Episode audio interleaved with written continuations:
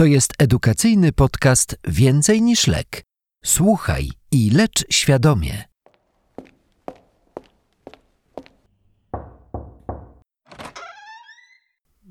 Dzień dobry, co panią sprowadza? Panie doktorze, od kilku dni męczy mnie ból głowy, taki tutaj z tyłu. Pojawiły się też mdłości. Koleżanka mówiła, że to normalne w ciąży, ale ja się stresuję tym wszystkim. Wie doktor, co wypisują w internecie. Wolałam się pokazać. Oczywiście, rozumiem. Czy to pani pierwsza ciąża? Który to tydzień? Tak, pierwsza. Ym, 35 skończony wczoraj. Mhm, okej. A coś pani może brała na ten ból głowy? Tak, paracetamol i jest lepiej. Poza tym nic niepokojącego się nie pojawiło? Na przykład jakieś duszności, uczucie kołatania serca, Nie, nie, szumienie w uszach, a może pani gorączkowała? nie, nic z tych rzeczy. Okej, okej. A proszę mi jeszcze powiedzieć, czy pani na coś przewlekle choruje? Na przykład nadciśnienie, cukrzyca, tarczyca? Nie, nic mi nie wiadomo. No dobrze. To osłucham panią i zmierzę ciśnienie. Mhm. Denerwuje się pani? Trochę, ale zawsze tak mam u lekarza. No ma pani trochę podwyższone ciśnienie. 155 na 110. Ojej, to źle. Myślę, że nie. Wiele osób tak reaguje. Syndrom białego fartucha. Proszę jechać do domku, odpocząć, zrelaksować się i nie stresować. A za parę dni proszę zgłosić się do prowadzącego ginekologa na kontrolę. O, to wspaniale. Bardzo dziękuję. Drogi słuchaczu, zastanów się, jak należy postąpić w przedstawionej sytuacji. Możesz w tym celu zatrzymać nagranie. Następnego dnia u pacjentki doszło do kilku napadów drgawkowych, powikłanych odklejeniem się łożyska. Dziecko zmarło. Matka przeżyła.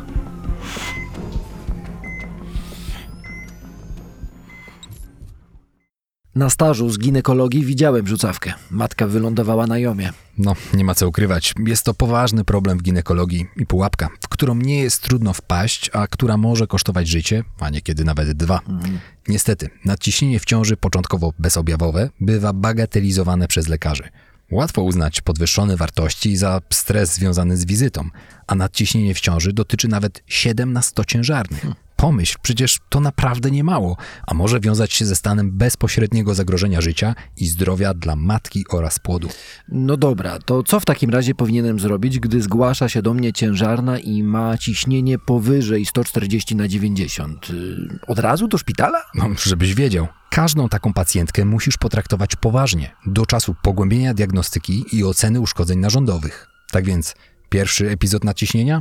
Nie pierdzielisz się, kierujesz ciężarną lub kobietę w połogu do szpitala i na badania ostro-dyżurowe.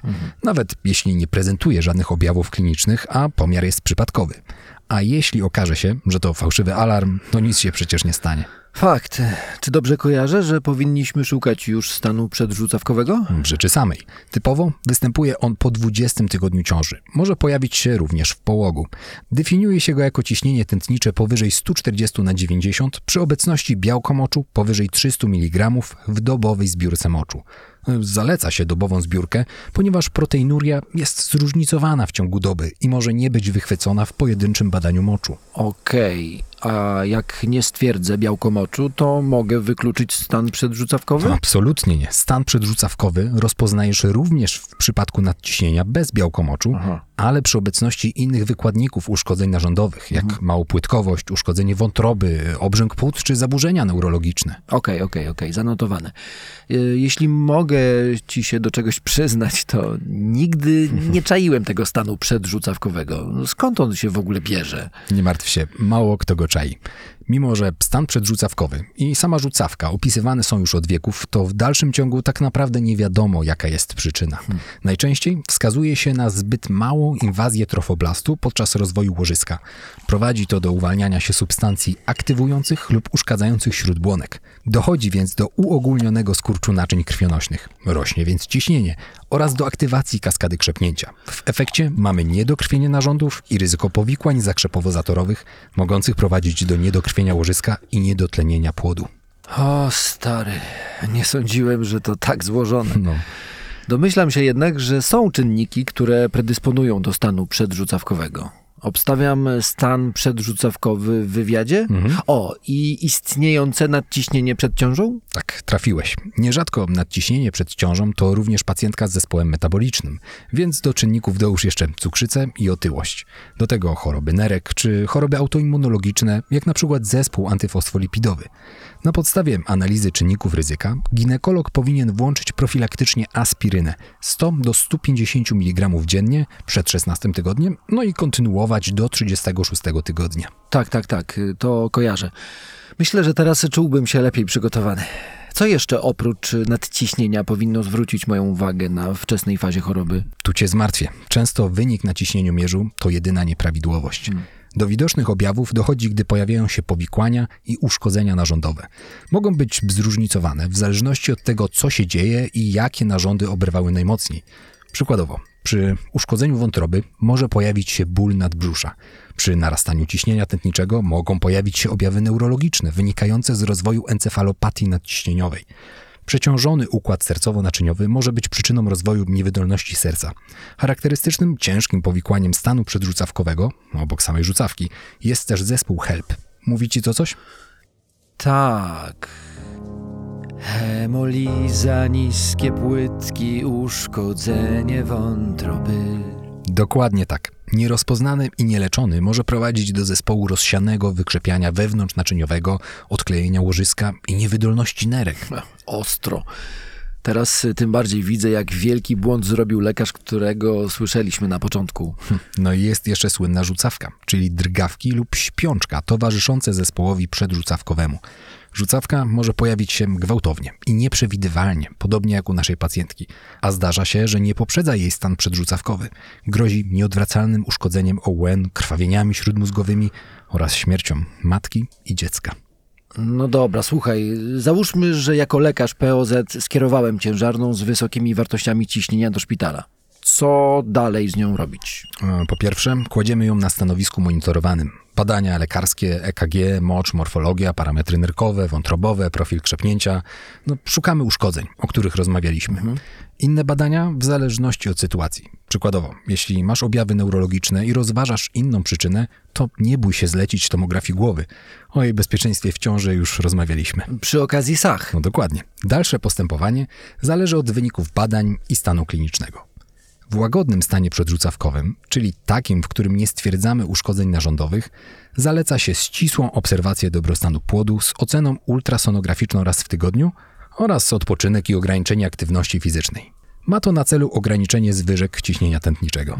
Co do samego nadciśnienia w ciąży, na chwilę obecną w Polsce niestety nie ma zarejestrowanych preparatów pierwszego rzutu hydralazyny, labetalolu, nifedypiny.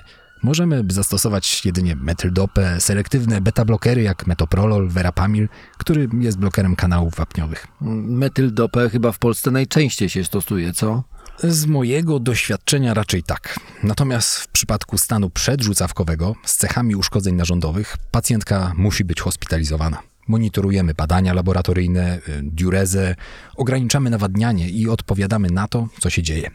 Tutaj, pomimo ciąży, leczenie musi być agresywne.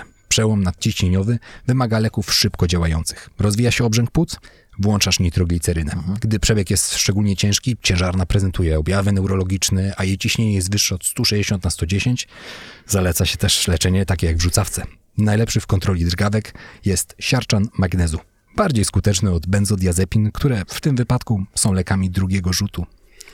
Siarczan magnezu. Dobra, zapisane. Jak już będziesz kiedyś leczył magnezem, to bądź wyczulony na pojawiające się objawy hipermagnezemii, która może być niebezpieczna i doprowadzić do depresji oddechowej. Kontroluj liczbę oddechów oraz odruch kolanowy.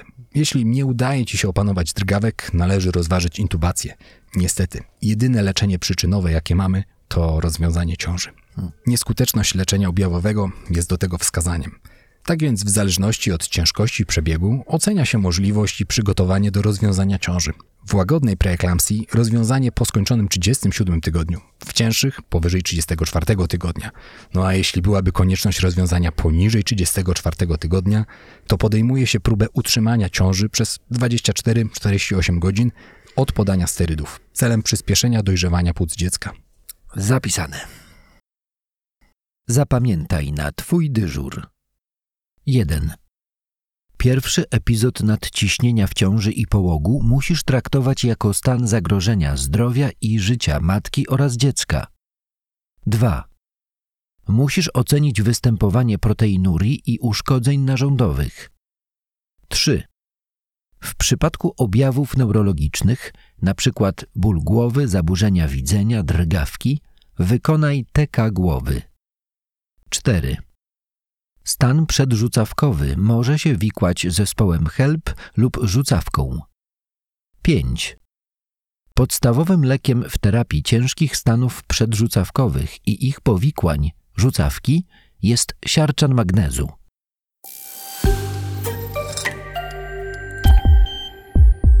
Nagranie powstało w ramach współpracy projektów edukacyjnych Twój dyżur i Więcej niż lek.